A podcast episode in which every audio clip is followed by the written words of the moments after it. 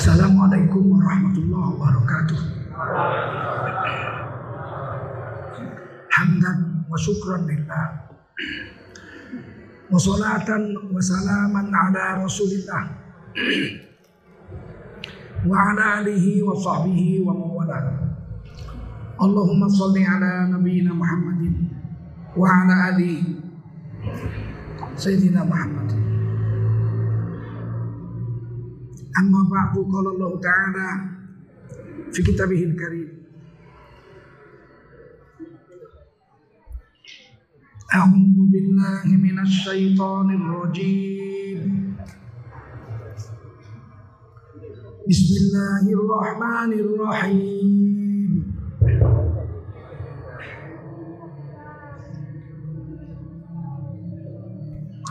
وتعاونوا على البر والتقوى ولا تعاونوا على الإثم والعدوان. واتقوا الله. إن الله شديد العقاب. قال رسول الله صلى الله عليه وسلم من خرج من بيته في طلب العلم من خرج في طلب العلم فهو في سبيل الله حتى يرجي Baginda Rasul bersabda siapa keluar untuk mendapatkan ilmu Orang itu adalah orang yang berjihad fisabilillah Sampai dia kembali ke rumahnya Mudah-mudahan kita semua mendapatkan pahala jihad dari Allah Subhanahu wa taala. Amin. Sadaqallahul azim wa sadaqa rasulun nabiyul karim wa nahnu ala dhalika minasyahidin wasyakirin walhamdulillahi rabbil alamin. Para ulama, tuan-tuan guru yang berhadir, khususnya penceramah kita yang barusan menyampaikan kepada kita ilmu agama Bapak Al-Ustaz Jalfatullah tokoh-tokoh masyarakat, tokoh adat Bapak-bapak ibu-ibu hadirin wal hadirat yang dimuliakan Allah SWT Saya bahagia yang hadir malam ini 70% adalah anak-anak muda.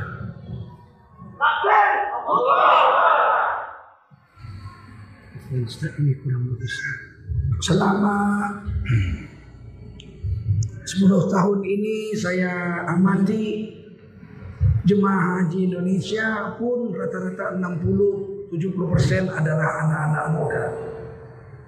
Jemaah umroh malah 70-80% anak-anak muda. Kalau kita pergi masjid sholat lima waktu 70-60% juga yang ke masjid itu anak-anak muda 40 tahun ke bawah Kalau anak-anak muda Indonesia sudah mulai ikut campur dalam urusan agama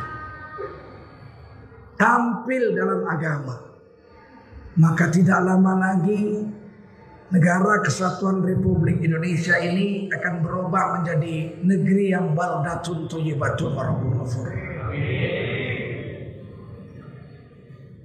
Dulu ketika Nabi Shallallahu Alaihi Wasallam mendakwahkan agama, yang masuk Islam itu anak-anak muda. Nabi umur 40. Sahabat Nabi yang mula-mula masuk Islam Sayyidina Abu Bakar As-Siddiq radhiyallahu umur 38. Besok harinya Sayyidina Abu Bakar Siddiq radhiyallahu mengislamkan anak-anak muda Sayyidina Utsman, Sayyidina Tolha, Sayyidina Zubair, Abdurrahman bin Auf, muda-muda masuk Islam. Umur 20, 16, 18.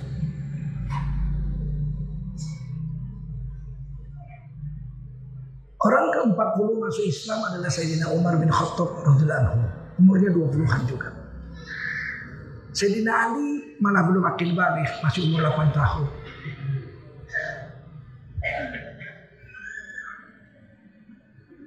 Sementara yang tua-tua menolak masuk Islam. Abu Kuhafa, Abu Sofyan, Abu Lahab, Abu Jahal. Pokoknya abu-abu lah menolak Abu Mungkin kalau sekarang Abu Janda nolak juga.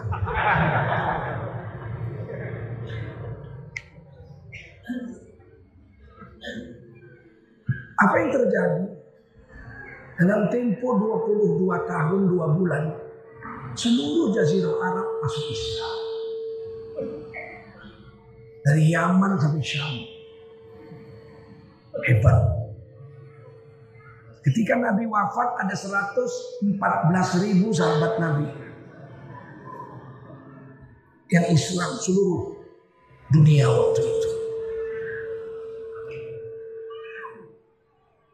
Islam tumbuh 114 ribu itu di tengah-tengah dua kerajaan superpower yang berkuasa di dunia yang pertama Parsi dengan satu juta tentara dan yang kedua adalah Romawi dengan satu juta tentara. Khalifah Abu Bakar Siddiq menggantikan Nabi dua tahun. Kemudian beliau wafat. Di zaman Umar bin Khattab Parsi dengan satu juta tentara tumbang. Romawi menyerahkan kunci Masjidil Aqsa kepada Khalifah Umar. Satu juta tentara, satu juta tentara tumbang. Padahal Islam hanya 124 ribuan waktu Sayyidina Abu Bakar Siddiq wafat. Kenapa begitu? Apakah tentara Islam banyak? Tidak. Tapi karena Orang-orang yang masuk wilayah Parsi dan Romawi ramai-ramai masuk Islam. Tidak masuk Islam pun tidak membela tentara Parsi dan Romawi. Mereka katakan orang Islam lebih baik, lebih adil. Orang kafir bayar pajak jizyah dua setengah persen. Orang Islam bayar zakat dua setengah persen. Tapi orang-orang kafir yang bayar yang bayar jizyah dan bayar pajak dilindungi seperti cara orang Islam melindungi rakyat Islam yang bayar zakat. Ayo kita rame-rame pindah ke pangkuan Islam. Tumbang Romawi Farsi saat Khalifah Umar bin Khattab berkuasa.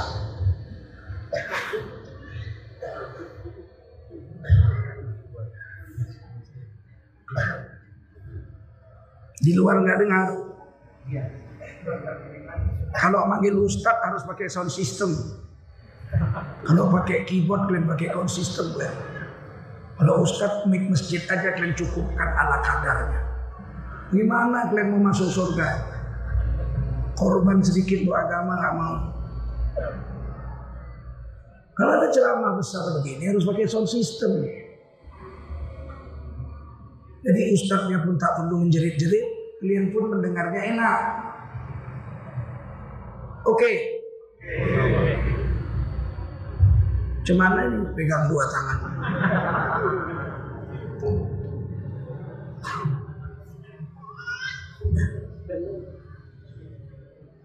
Ketika Sayyidina Abu Bakar diangkat jadi khalifah, beliau dipilih langsung. Di Sakifah Bani Sa'idah dipilih langsung. Orang Madinah memilih Rasulullah wafat, Sayyidina Abu Bakar jadi khalifah. Atas usul khalifah Umar jadi. Dua tahun. Dua tahun. Kenapa sih? Sekalian.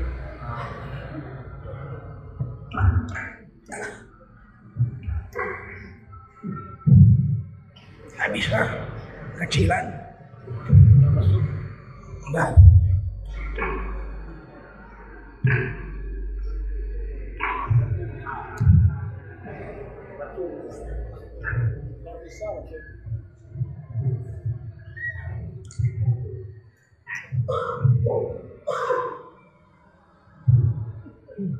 Nah, Abu Bakar Siddiq dipilih langsung oleh sahabat orang Medina dan seluruh Islam yang di daerah lain setuju dan membaiat Sayyidina Abu Bakar Siddiq. Ketika Khalifah Abu Bakar sakit mau wafat, beliau menunjuk langsung Umar bin Khattab jadi khalifah. Kalau saya mati Umar bin Khattab jadi khalifah. Tunjuk langsung aja kalau orang sekarang bilang diktator. Tapi ternyata Khalifah Umar berhasil menumbangkan Romawi dan Parsi.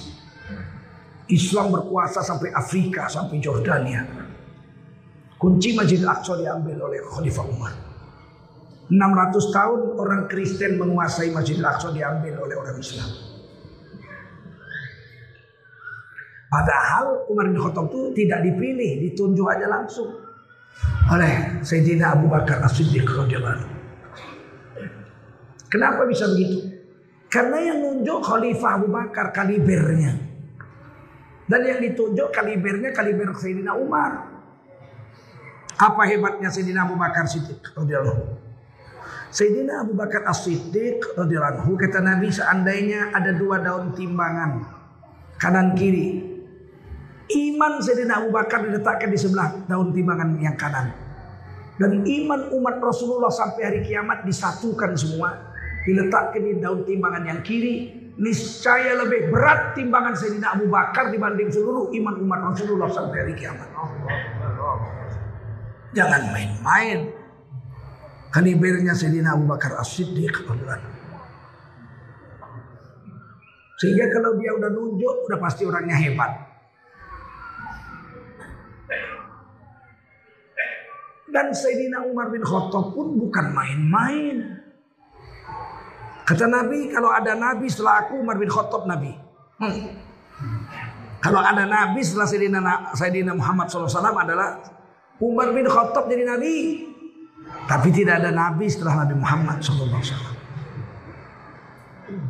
Dan Sayyidina Umar itu kalau dia jalan di satu jalan, setan jalan di jalan sini, Minggir setan, gak berani berpapasan sama Sayyidina Umar bin Khattab Begitu hebatnya Khalifah Umar. Tak berani setan papasan dengan Khalifah Umar.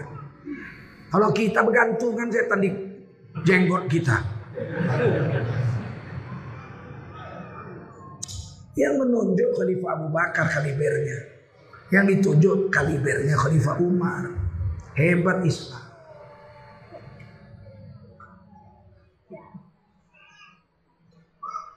Sayyidina Abu Bakar Siddiq jadi khalifah dua tahun tidak punya harta apa-apa.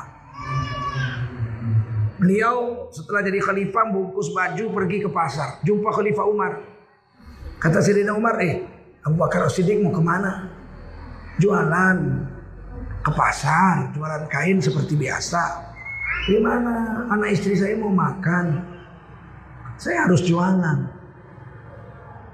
Kata Khalifah Umar, Sayyidina Umar bilang, kalau Anda pergi ke pasar jualan, siapa yang urus negara? Sudah-sudah pulang-pulang.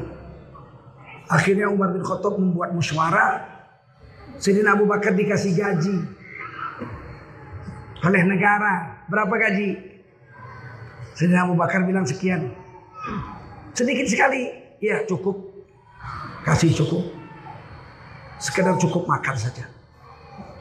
Satu hari istri Sayyidina Abu Bakar Umi Ruman kepingin makan makanan yang manis pakai gula. Maka makan makanan sehari-hari dikurangi jatahnya. Dikurangi, dikurangi, dikurangi. Setelah satu bulan terkumpullah sisa duit. Gaji. Ini. Kata istrinya Umi Ruman. Abang, ini Abu Bakar Siddiq. Duit bersisa sedikit. Saya kepingin dibelikan madu saya mau makan makanan yang manis, enak. Berubah muka Sayyidina Abu Bakar. Ini apa? Ini uang belanja kita sebulan saya kurang-kurangi, saya kurang-kurangi. Ternyata bisalah saya hemat-hemat. Ini sisa duit, beli madu. Ternyata gaji kita kebanyakan. Dipulangkannya lagi ke Baitul Mal. Kurangi gaji saya ternyata masih bisa dihemat. Bayangkan. Orang seperti ini bagaimana Islam gak hebat? Ketika Khalifah Abu Bakar wafat, dia meninggalkan harta warisan setengah dirham. Bukan satu dirham, setengah dirham. Dia bilang ini kalau saya mati, dia bilang sama anaknya Siti Aisyah, ini warisan saya. Berikan ini kepada khalifah pengganti saya Umar bin Khattab. Begitu Umar bin Khattab dilantik ini warisan dari khalifah sebelumnya. Setengah dirham. Umar bin Khattab menangis. Wahai Sayyidina Abu Bakar, engkau telah membuat satu jalan yang terlalu sulit untuk aku ikuti. Ketika Umar bin Khattab ditikam Abu Lu'lu, orang Majusi keturunan Parsi, putus-putus usus beliau. Beliau minum keluar madu, minum madu keluar madu dari perutnya, minum susu keluar susu dari perut beliau. Dia bilang saya nggak panjang umur lagi nih. Minum air sudah keluar air dari perut, usus sudah putus-putus. Sebentar lagi saya akan mati. Tolong kamu Abdullah bin Umar anakku pergi jumpai ibunda Aisyah radhiyallahu Katakan kepada ibunda Umar bin Khattab, jangan bilang Amirul Mukminin. Jangan kau bilang raja orang Islam. Umar bin Khattab minta izin kalau dia mati tolong dikuburkan di samping orang yang paling dicintainya. Rasulullah dan sahabat dekatnya Abu Bakar Siddiq di dalam kamar tidur Siti Aisyah di sebelah Masjid Nabawi.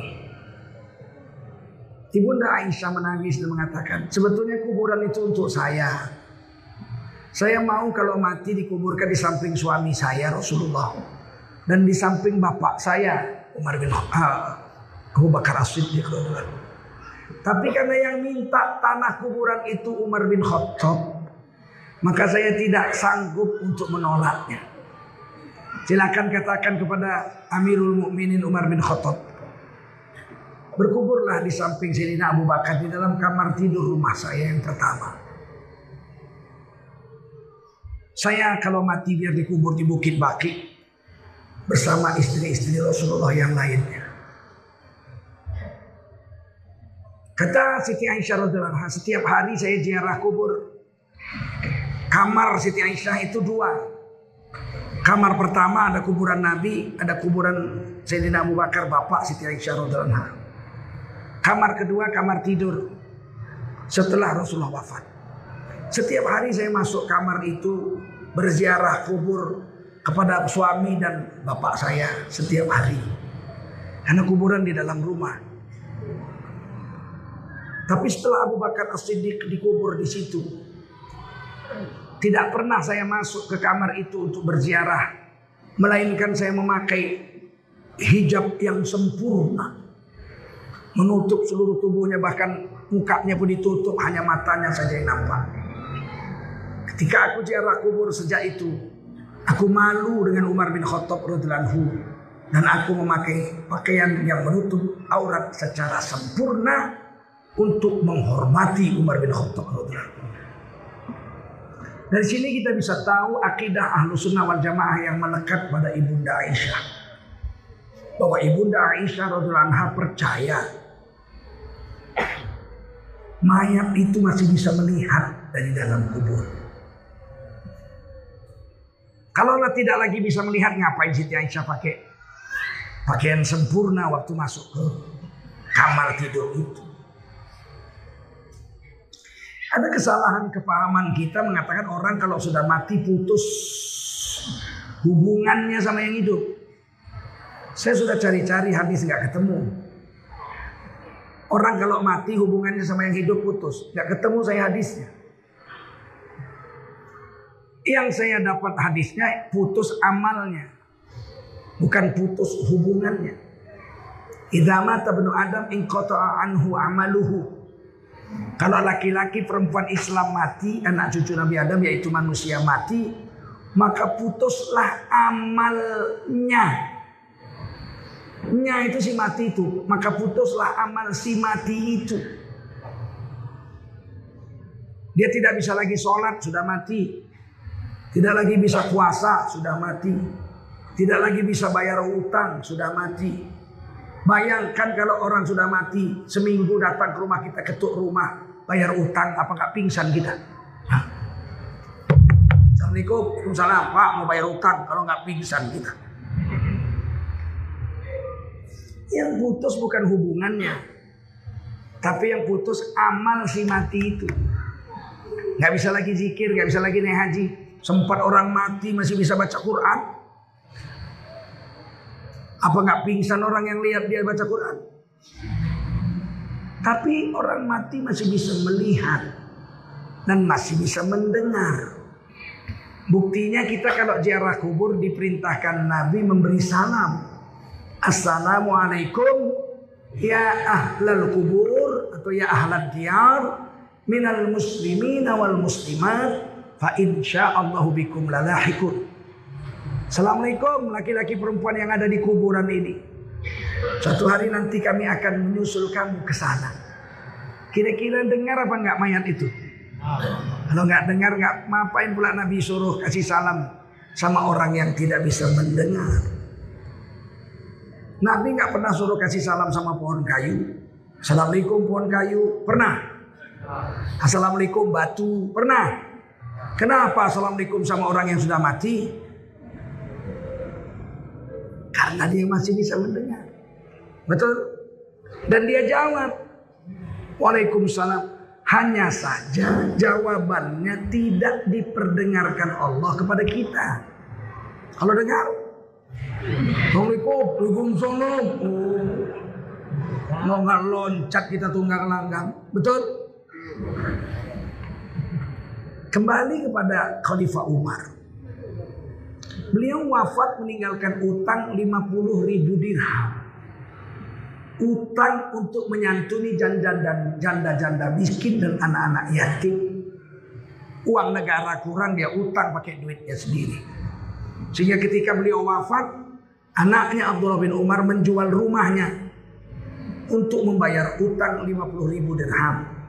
Rumah itu dibeli orang kaya sebanyak 50 ribu dirham untuk membayar utang Sayyidina Umar.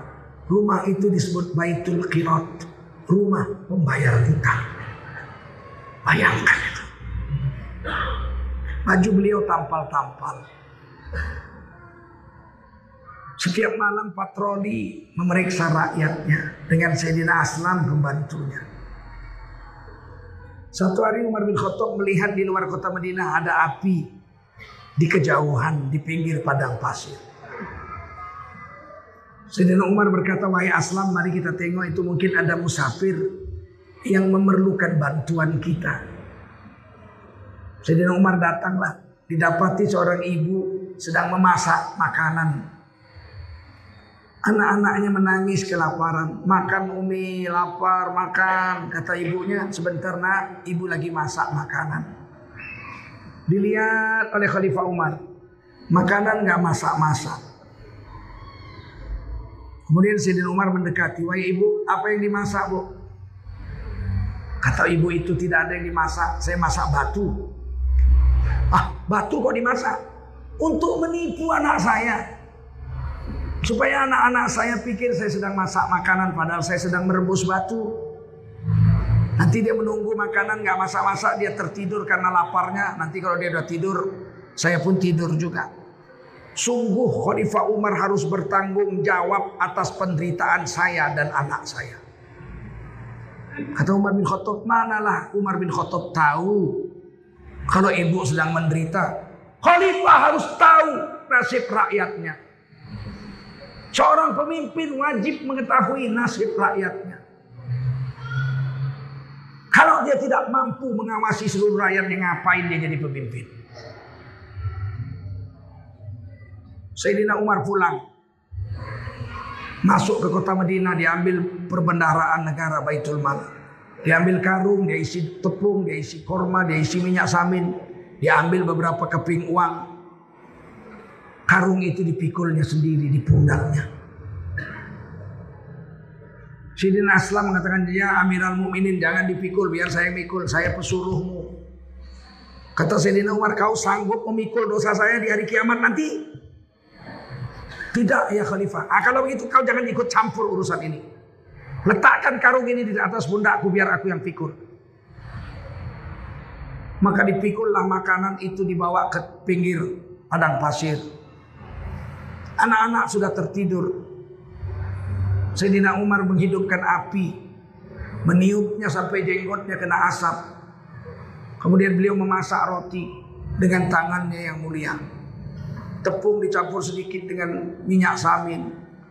Diletakkannya beberapa butir korma dimasaknya dibuatnya roti. Selesai selesai masak roti dibangunkannya anak-anak itu.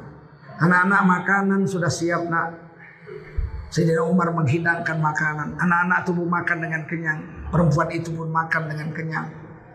Setelah itu anak-anak itu berlari-lari, bermain-main. Gembira ria, loncat sana, loncat sini anak-anak itu. Sayyidina Umar duduk memandangi anak-anak itu. Kata Sayyidina Aslam, mari Amirul Mukminin kita pulang. Malam sudah larut. Besok pagi kita harus bangun, sholat subuh. Khalifah Umar akan kerja mengurus rakyat. Apa kata Sayyidina Umar? Biarkanlah aku sejenak di tempat ini. Melihat anak-anak ini gembira bermain-main, bernyanyi-nyanyi, bergembira loncat-loncat. Karena kekenyangan. Setelah tadi saya sempat melihat mereka menangis karena kelaparan. Dia bilang, ibu saya pulang.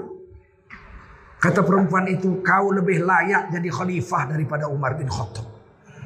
Ibu itu tak tahu itu Umar bin Khattab. Kata Sayyidina Umar kalau besok ibu masuk ke kota Madinah menjumpai Khalifah Umar. Insya Allah saya ada di sana. Orang begini jadi pemimpin bagaimana nggak hebat? Ketika Parsi menyerah, ketika Romawi menyerah, kerajaan Romawi menyerah, kunci Masjidil Aqsa mau diambil oleh Khalifah Umar. Khalifah Umar pergi dari Madinah ke Palestina satu bulan perjalanan. Tidak ada onta, tidak ada kuda waktu itu. Yang ada hanya keledai. Keledai itu satu setengah kali lebih besar aja dari kambing. Sedangkan Khalifah Umar raksasa. Diriwayatkan kalau beliau naik kuda kakinya lengser ke tanah. Saking besarnya Khalifah Umar. Kalau dia naik kuda kakinya lengser ke tanah.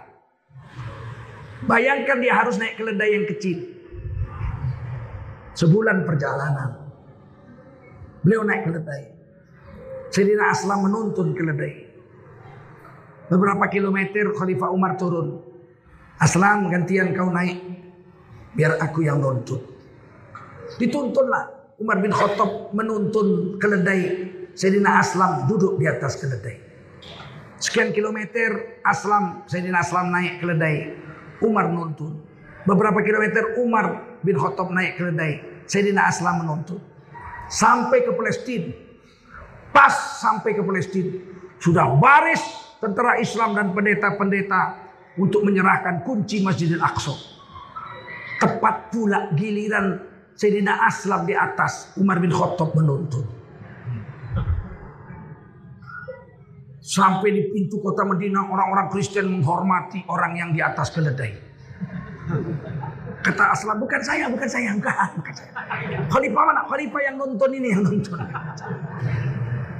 Bagaimana Islam gak hebat kalau pemimpinnya macam begini.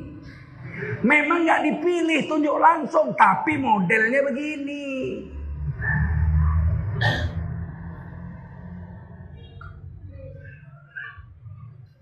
Eh, sekarang ada pula orang yang bilang, presiden kita seperti Umar bin Khattab.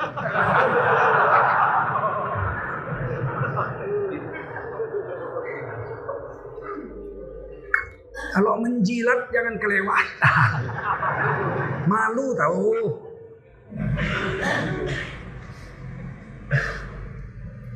Ketika Umar bin Khattab ditikam perutnya putus-putus. Dia membentuk majelis syuro. Kalau saya mati khalifah pengganti dipilih oleh Dewan Syuro. Syuronya orang-orang yang mula-mula masuk Islam. Sayyidina Utsman, Sayyidina Ali, Sayyidina Tolha, Sayyidina Jubir, Sayyidina Abdurrahman bin Auf, Ubaidah bin Zarrah. Dia bilang apa? Saya titip anak saya dari generasi muda masuk dalam Dewan Syuro Abdullah bin Umar. Abdullah bin Umar bukan orang bodoh. Beliau penghafal hadis nomor tiga paling banyak. Nomor satu Abu Hurairah, nomor dua Anas bin Malik, nomor tiga Abdullah bin Anak saya masuk Dewan Suro memilih khalifah. Tapi anak saya tidak boleh dipilih jadi khalifah. Jadi kalau zaman Pak Harto ini praksi TNI Polri ini. Boleh memilih tapi tidak boleh dipilih. Terpilihlah Sayyidina Utsman jadi khalifah. Dipilih oleh Dewan Suro. Musyawarah Dewan Suro. Rakyat nggak milih, cuman Dewan Suro saja. Ketika Sayyidina Utsman terbunuh, Dewan Suro Musyawarah terpilih Sayyidina Ali jadi khalifah oleh Dewan Suro. Jadi sistem pemilihan pemimpin dalam Islam pernah pilih langsung hasilnya Khalifah Abu Bakar As-Siddiq radhiyallahu Pilihan langsung dari khalifah ke orang secara diktator menurut istilah sekarang. Terpilih Umar bin Khattab hebatnya bukan main. Ketika dipilih oleh Dewan Suro terpilih Sayyidina Utsman hebatnya bukan main. Khutbah Jumat Khalifah Utsman pernah pakai baju tampal-tampal 12 ditampal kain, dua ditampal dengan kulit karena tidak punya kain percah. Sayyidina Ali dipilih Suro. Setelah itu Muawiyah mengangkat dirinya dengan orang Syam. Kemudian diangkat raja-raja. Terangkat lagi Malik uh, uh, Umar bin Abdul Aziz. Cucu Sayyidina Umar bin Khattab radhiyallahu anhu. Adilnya bukan main. 29 tahun eh 29 bulan saja jadi khalifah. Orang bisa berjalan kaki dari Yaman ke Syam perempuan aman nggak ada yang berani mengganggu. Saking makmurnya zaman Umar bin Abdul Aziz, kambing dengan serigala bisa minum di tempat minum yang sama. Tidak ada kambing selama 29 bulan yang dimakan serigala hidup-hidup. Serigala hanya makan kambing yang sudah mati saja selama 29 bulan. Begitu keadilan yang wujud ketika pemimpinnya soleh seperti Umar bin Abdul Aziz. Satu hari seorang bapak melihat di halaman rumahnya ada tempat minum. Kambing sedang minum, serigala datang minum, sama-sama minum. Dilihatnya, senyum dia. Makmur negara ini, gara-gara Umar bin Abdul Aziz. Tiba-tiba selesai minum kambing, gap, dimakan sama serigala. Hop! Bapak itu terkejut, inna lillahi wa inna ilaihi roji'un. Anaknya nanya, kenapa pak? Telah wafat Sayyidina Umar bin Abdul Aziz. Bapak tahu dari mana? Kambing sudah dimakan sama serigala. Itu pentingnya memilih pemimpin yang soleh. Agar negeri ini makmur. Bukan asal-asalan milih pemimpin kita. Nanti sengsara kita dibikinnya.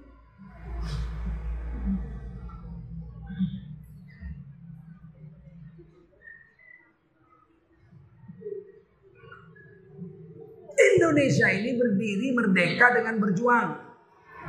Perang. Ratusan kali perang.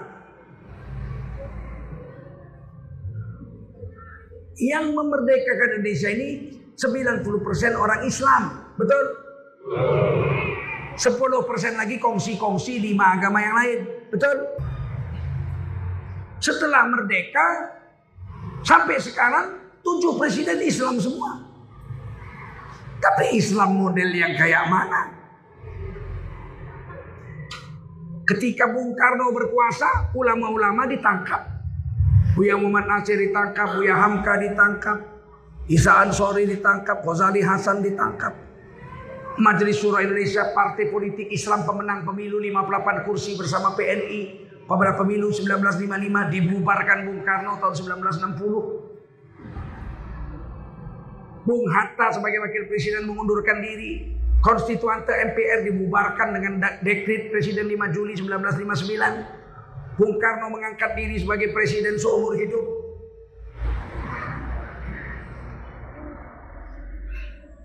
Sampai sekarang tidak pernah diadili apa salahnya ulama-ulama yang ditangkap itu. Apa salah Buya Muhammad Nasir? Apa salah Sarifuddin Prawira Negara? Apa salah Buya Hamka? Gak ada salahnya pokoknya penjara aja. Mau apa?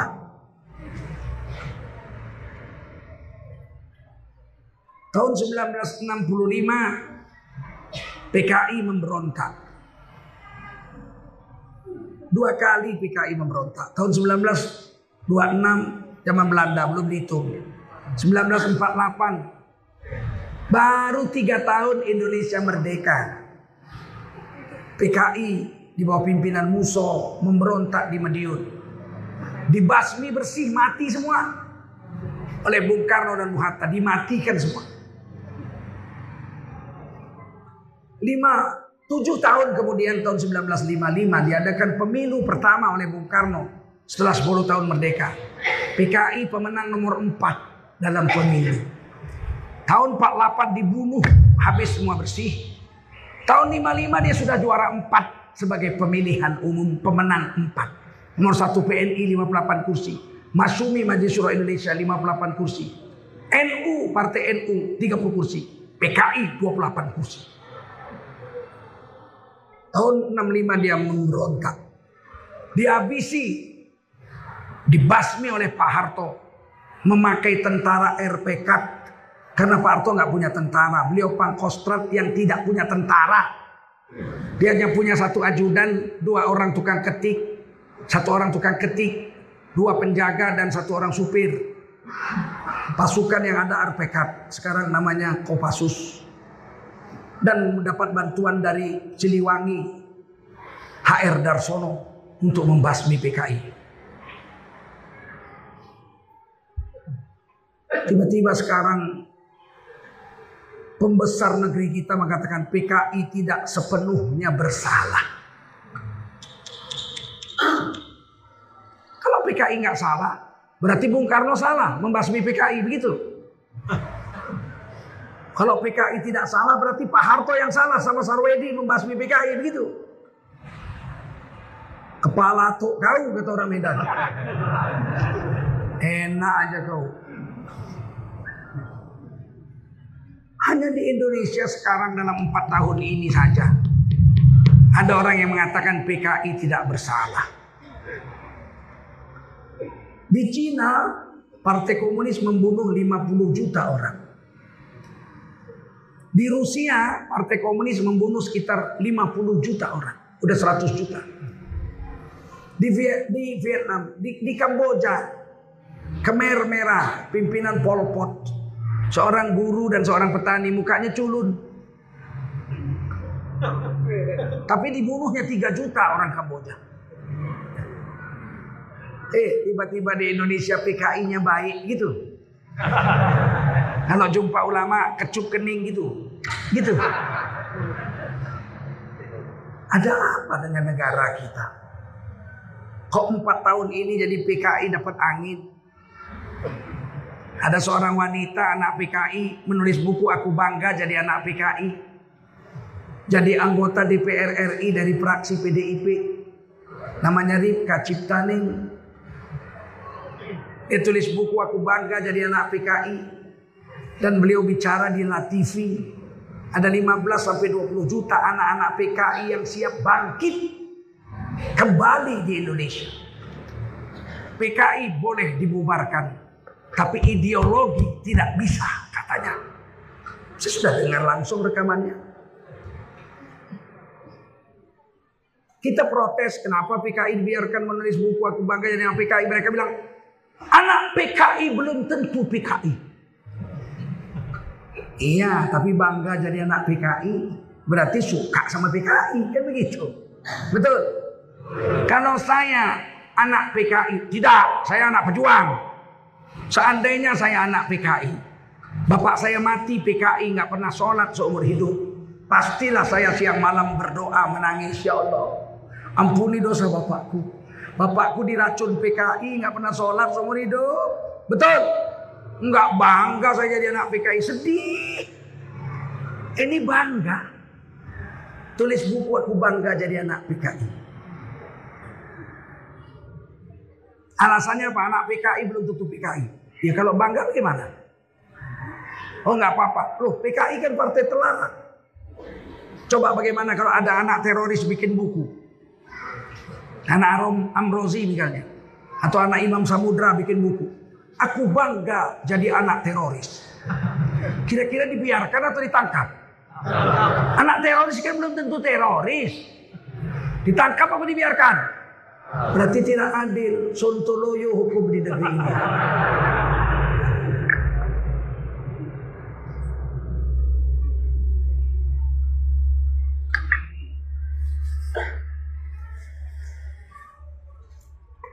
Tentara-tentara yang mensweeping buku-buku PKI.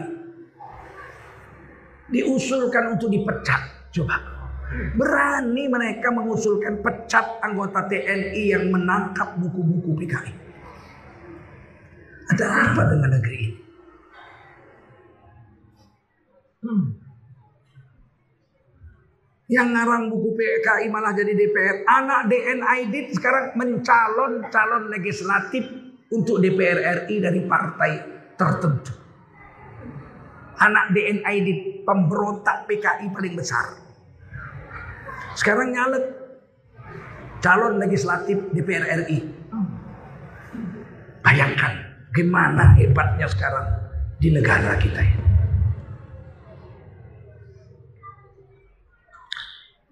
Dulu kita mau merdeka itu bukan supaya makan enak. Pemimpin-pemimpin Indonesia dulu perang melawan Belanda bukan supaya dapat makan enak supaya hidup rumahnya bagus, supaya pakai baju bagus, bukan. Mereka nggak kurang makan. Pendekar-pendekar yang memerdekakan Indonesia ini, pejuang-pejuang itu orang kaya-kaya. Pangeran Diponegoro, betul. Pangeran Antasari, Pangeran Hidayatullah, Pangeran bukan gembel bos. Sultan Hasanuddin, Sultan Badaruddin, Sultan Banjar, Sultan Siak Serindrapura. Hmm? Bukan orang-orang miskin. Mereka makan enak. Sultan. Pangeran. Kenapa mereka memberontak lawan Belanda? Supaya makan enak? Iya. Jawab. Tidak. Jadi kenapa mereka mau, mengorbankan nyawanya sampai mati dibunuh dicincang Sultan Toha Jambi disincang-cincang dibuang tangannya ke sana kepalanya ke sana kakinya ke sana. Sultan Toha kurang makan rupanya dia. Tidak. Terus kenapa pejuang-pejuang Islam 90% mau merdeka? Perang sampai mati. Jawabnya satu supaya Indonesia bisa menjalankan agamanya 100 Supaya kita merdeka menjadi negara yang baldatun, toyibatun, warobun, Ada 200 kerajaan Islam di Indonesia sebelum merdeka. Termasuk di Minangkabau ada kerajaan Minangkabau di Pagaruyung, betul? Kita sudah punya rakyat, sudah, sudah punya raja, sudah punya undang-undang. Adat bersendi syarak bersendi kita Allah. Adat memakai, syarak mengatur, adat memakai. Kita negara beradab sebelum merdeka bersama Indonesia. 200 kerajaan dari Aceh sampai Papua, Raja Empat kerajaan Islam. Bung Karno memerdekakan Indonesia 17 Agustus. Waktu itu Khairul Soleh dan kawan-kawan anak-anak muda datang jumpa Bung Karno. Bung, kami mendengar radio BBC London, ABC Australia dan radio Belanda bahwa ternyata Jepang sudah menyerah kalah tanggal 14 Agustus kemarin. Sekarang Jepang sudah tidak ada di Indonesia, semua sudah angkat kaki. Indonesia sudah menjadi negara tidak bertuan. Penjajah Belanda sudah tiga tahun pergi tidak pulang, belum kembali, mau kembali bersama sekutu. Penjajah Jepang sudah angkat kaki. Kita sekarang tidak ada penjajah. Merdekakan segera Indonesia, Bu. Apa kata Bung Karno? Jangan. Kita sudah janji sama Jepang. Jepang sudah berjanji akan memberi hadiah kemerdekaan. Jadi nggak usah ribut-ribut, jangan rusak rusuh. Tunggu aja janji Jepang. Kata Khairul Saleh, tidak ada bu. Jepang sudah lari. Merdekakan. Jangan, kata Bung Karno. Kita sudah diberi Jepang membuat Dokuritsu Jiumbicho Sakai, BPUPKI, Badan Persiapan Persiapan Usaha Kemerdekaan Indonesia. Sudah dibikin draft undang-undang dasar, sudah dibikin semua, udah tenang lah. Kita sudah buat PPKI, Panitia Persiapan Kemerdekaan Indonesia. Tinggal nerima hadiah kita merdeka, nggak ribut-ribut.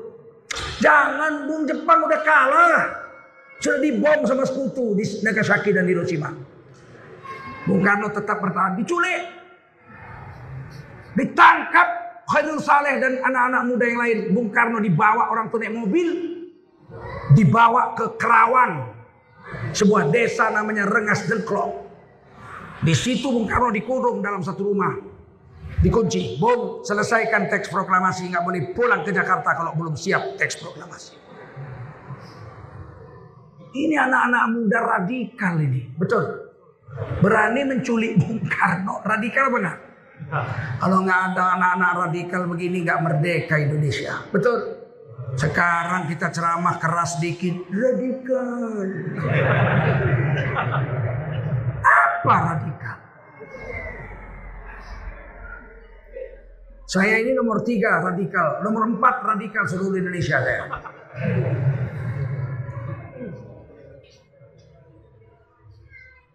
Akhirnya Bung Karno menulis teks proklamasi. Proklamasi kami bangsa Indonesia dengan ini menyatakan kemerdekaan Indonesia.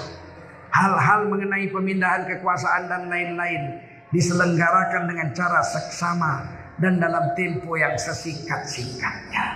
Jakarta, 17 Agustus 1945 atas nama bangsa Indonesia. Soekarno, Hatta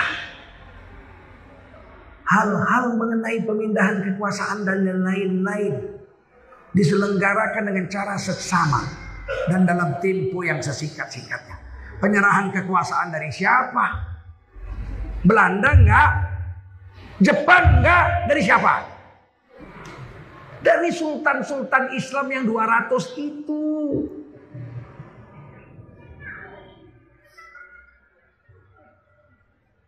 Sultan Sri Indrapura Siak membawa uang satu triliun kalau sekarang diduitkan.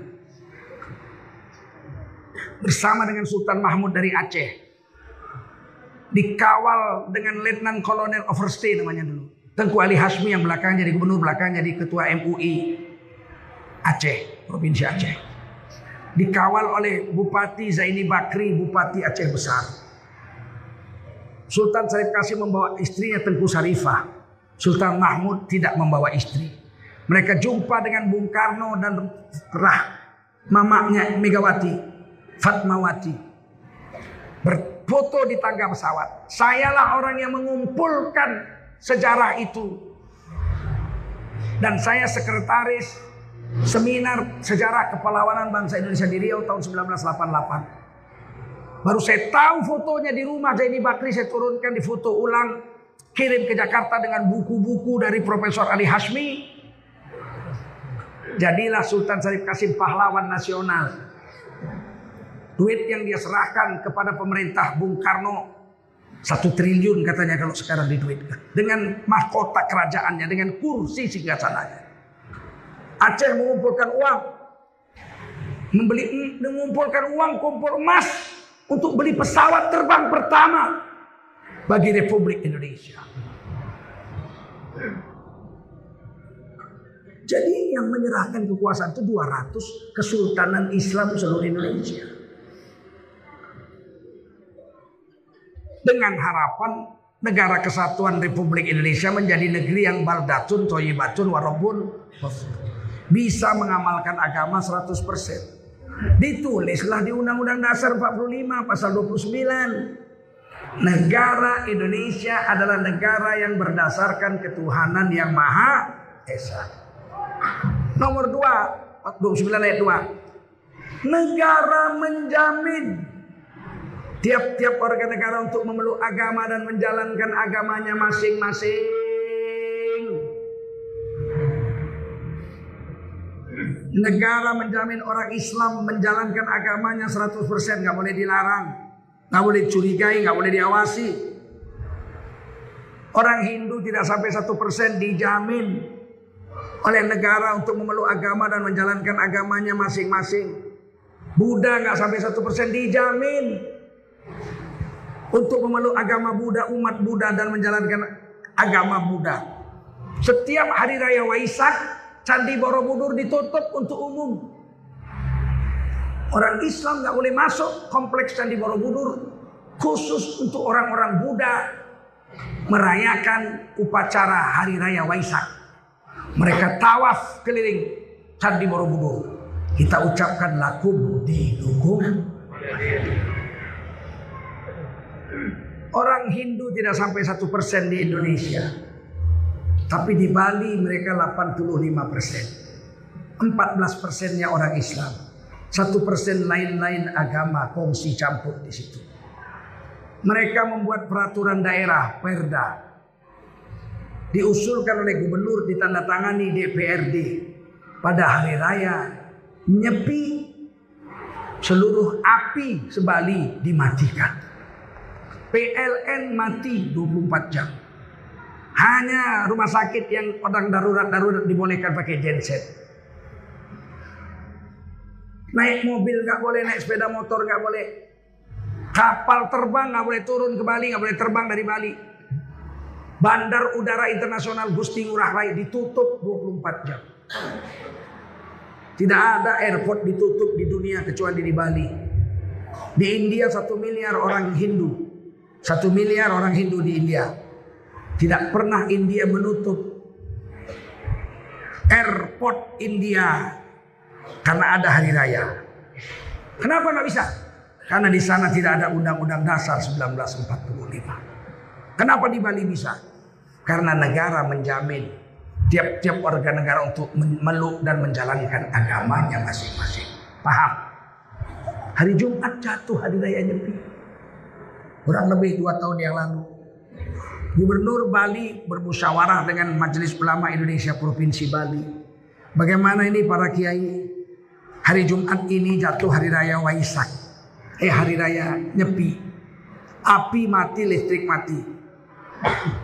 Orang Islam keluar rumah nggak boleh pakai mobil, nggak boleh pakai sepeda motor. Bagaimana dengan sholat Jumat?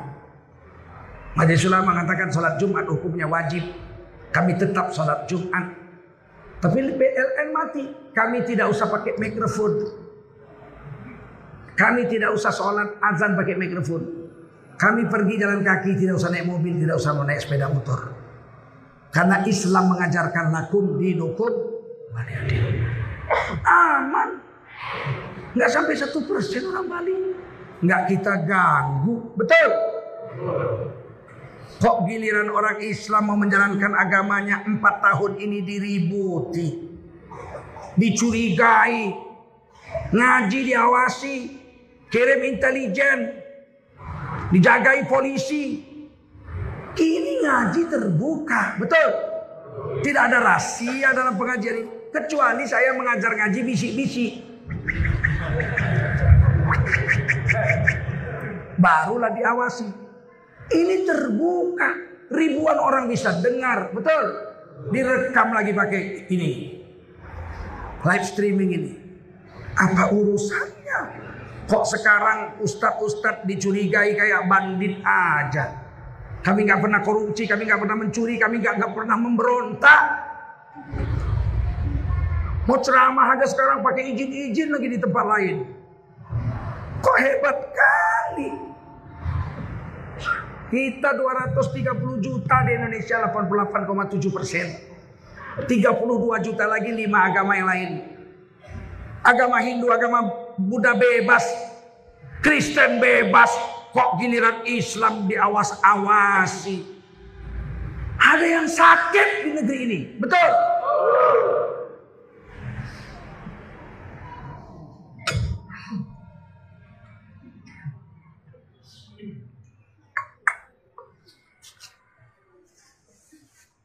Perempuan-perempuan yang bercadar sekarang diawasi. Setahun yang lalu heboh Universitas Islam Sunan Kalijogo Yogyakarta ribut. Ada dosen yang pakai cadar harus dibina, harus dibina, harus dibina. Mahasiswi pakai cadar harus dibina. IAIN Bukit Tinggi dipecat itu Nur Hayati. Katanya 67 hari nggak masuk kerja padahal dia mengurus izin untuk sekolah S3. Ada tiga orang dosen yang lain yang sama-sama nggak masuk kerja. Sama-sama mengurus izin cuti sekolah. Saya dulu mau sekolah dibayar negara. Kok sekarang pegawai negeri dosen mau sekolah susahnya bukan main. Kawan yang lain nggak kena, dia aja yang kena. Tidak segampang itu memecat pegawai negeri. Harus ada peringatan, surat peringatan pertama, betul. Surat peringatan kedua, betul. Disidang dulu di tingkat kampus, fakultas, baru disidang di tingkat universitas, baru dilaporkan ke Dirjen Dikti, baru dilaporkan ke menteri. Bukan gampang-gampang begitu. Kita wajib membela itu Nurhayati itu betul. Apa-apaan. Memang katanya bukan karena cadar. Iyalah kalau karena cadar melanggar Undang-Undang Dasar 45 dicari-cari. Saya nggak terima itu. Nggak segampang itu memecat orang. Ini Menteri Agama ini memang aneh-aneh nih. Azan mau diatur, ya enggak? Hah? Bencong disuruh rangkul. Bencong LGBT itu harus dirangkul. Kau lah rangkul, aku nggak berani aku. Gimana bencong dirangkul?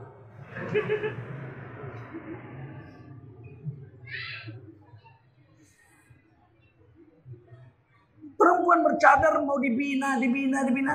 Yang perlu dibina itu nenek-nenek yang mengaku Islam sudah bergelar hajah umur 60-an tahun masih pakai rok sepan itu dibina. Kucing aja buang muka lihat dia. Itu dibina. Orang bercadar dibina. Cadar itu ada di Quran.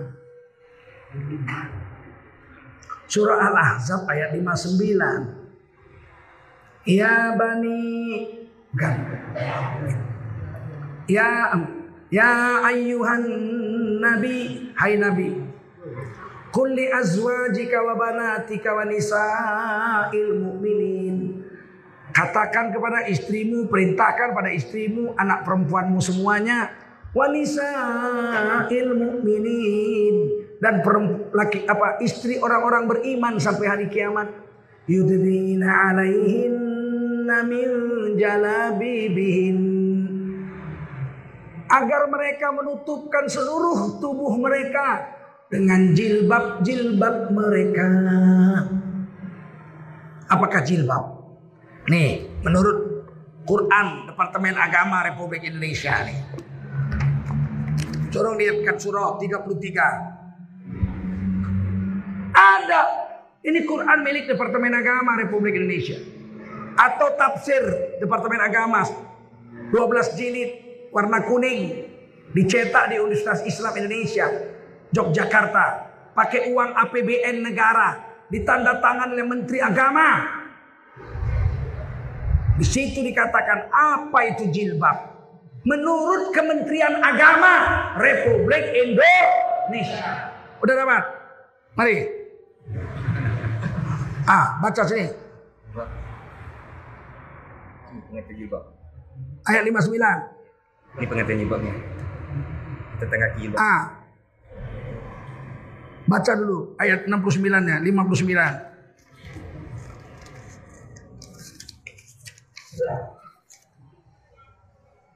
Hai Nabi, baca nah, kuat-kuat. Nanti saya yang baca katanya menipu. Sekarang banyak curiga ya nggak? Debat aja datanya salah ya nggak? Debat presiden aja datanya salah, apalagi ustadz katanya. Wahai Nabi, katakanlah kepada istri anak-anak perempuan dan istri orang hendaklah mereka memutuskan kedua mereka. Enggak, jilbab adalah dalam lagi enam satu. Jilbab adalah sejenis baju yang lapang yang dapat untuk kepala, wajah dan dada. Ulang kepala. Dalam lagi surat Al-Ahzab ayat 59. Jilbab ya sejenis baju tubuh yang lapang yang dapat untuk kepala, wajah dan dada. Menutup kepala semua ikut. Kepala, wajah dan dada. Jelas. Menutup wajah bahasa Indonesia apa? Cadar. Ca, cadar. Ada. Tutup wajah. Quran Departemen Agama Republik Indonesia. Kok tiba-tiba IAIN Sultan Sunan Kalijogo, IAIN Kendari kemarin itu termasuk UIN Bukit Tinggi ini, IAIN Bukit Tinggi. Kok keberatan? Kau kan di bawah Kementerian Agama. Menterimu menulis buku begini. Undang-Undang Dasar 45 menjamin tiap-tiap warga negara untuk memeluk agama dan menjalankan ajaran agamanya masing. Kok diawasi? Mau jadi apa negeri ini? Kok jadi negeri tidak beraturan begini? Tidak pernah dimasalahkan oleh presiden-presiden sebelumnya. Saya ini pegawai negeri dosen. Pakai jubah serban, mengajar sastra Inggris di kelas dalam bahasa Inggris. Gak ada yang ribut. Istri saya pakai cadar, anak perempuan saya dua pakai cadar dua-duanya. Zaman Pak Harto lagi, gak ada ribut. Kok sekarang jadi diribut-ributin begini? PKI dibilang gak bersalah, orang pakai cadar dimasalahkan. Ada apa dengan negeri ini?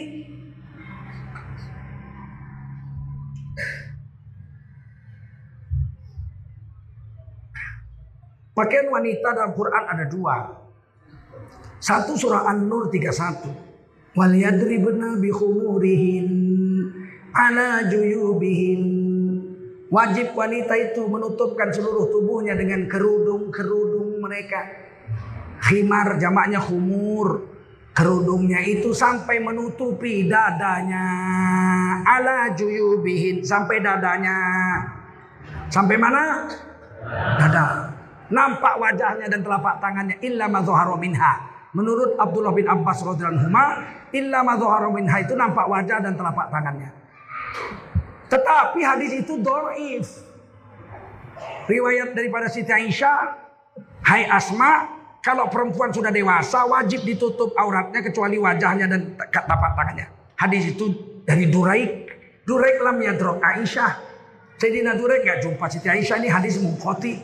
Menurut Sunan Abu Dawud, ini hadis doif. Oke lah, doif pun ada di Quran, ya enggak?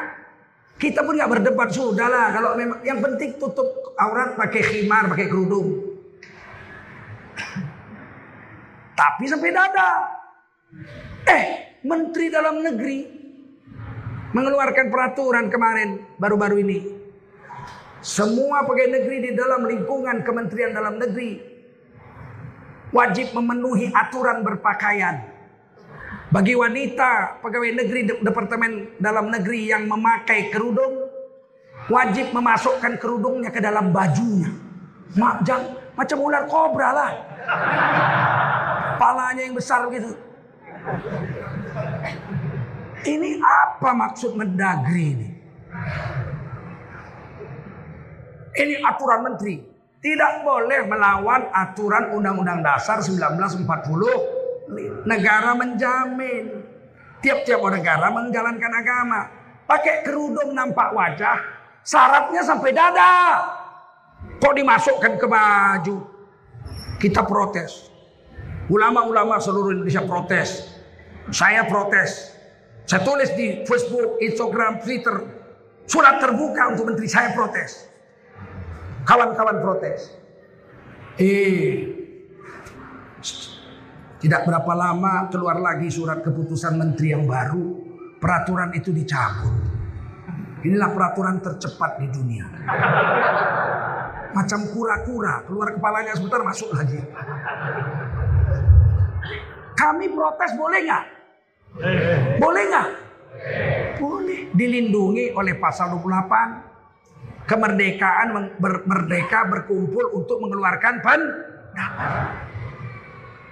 Ini hak kita. Yang saya heran ngapain lah bikin-bikin peraturan seperti itu. Apa maksudnya? Berapa banyak sekarang ini mall-mall Cina yang melarang, perusahaan-perusahaan Cina yang melarang gadis-gadis Islam kerja di situ pakai jilbab. Banyak pengaduan ke Majelis Ulama Indonesia. Ini kan pengkhianatan terhadap Pancasila dan Undang-Undang Dasar 45. Betul? Kita diam aja pengelawan. Lawan kita. Kita protes. Kalau perlu kita demo. Kalau masih juga nekat, ya pemilihan umum kita nggak pilih lagi, ya nggak? Betul? Itu hak kita. Siapa yang berani melarang? Hak kita itu. Yang kedua, pakaian perempuan itu menutup seluruh tubuhnya sampai wajahnya pun ditutup. Namanya cadar. Ini perempuan di sini ini ada yang nampak wajah, kerudung An-Nur 31. Ada saya lihat yang pakai cadar, berarti Al-Ahzab 59. Dua-duanya dijamin oleh negara. Betul? Gak boleh ada yang keberatan di negeri ini. Jangan ibu-ibu yang pakai kerudung lihat perempuan pakai cadar berteriak pula. Batman, kerudung, ninja. Itu hak dia ada di Quran, betul?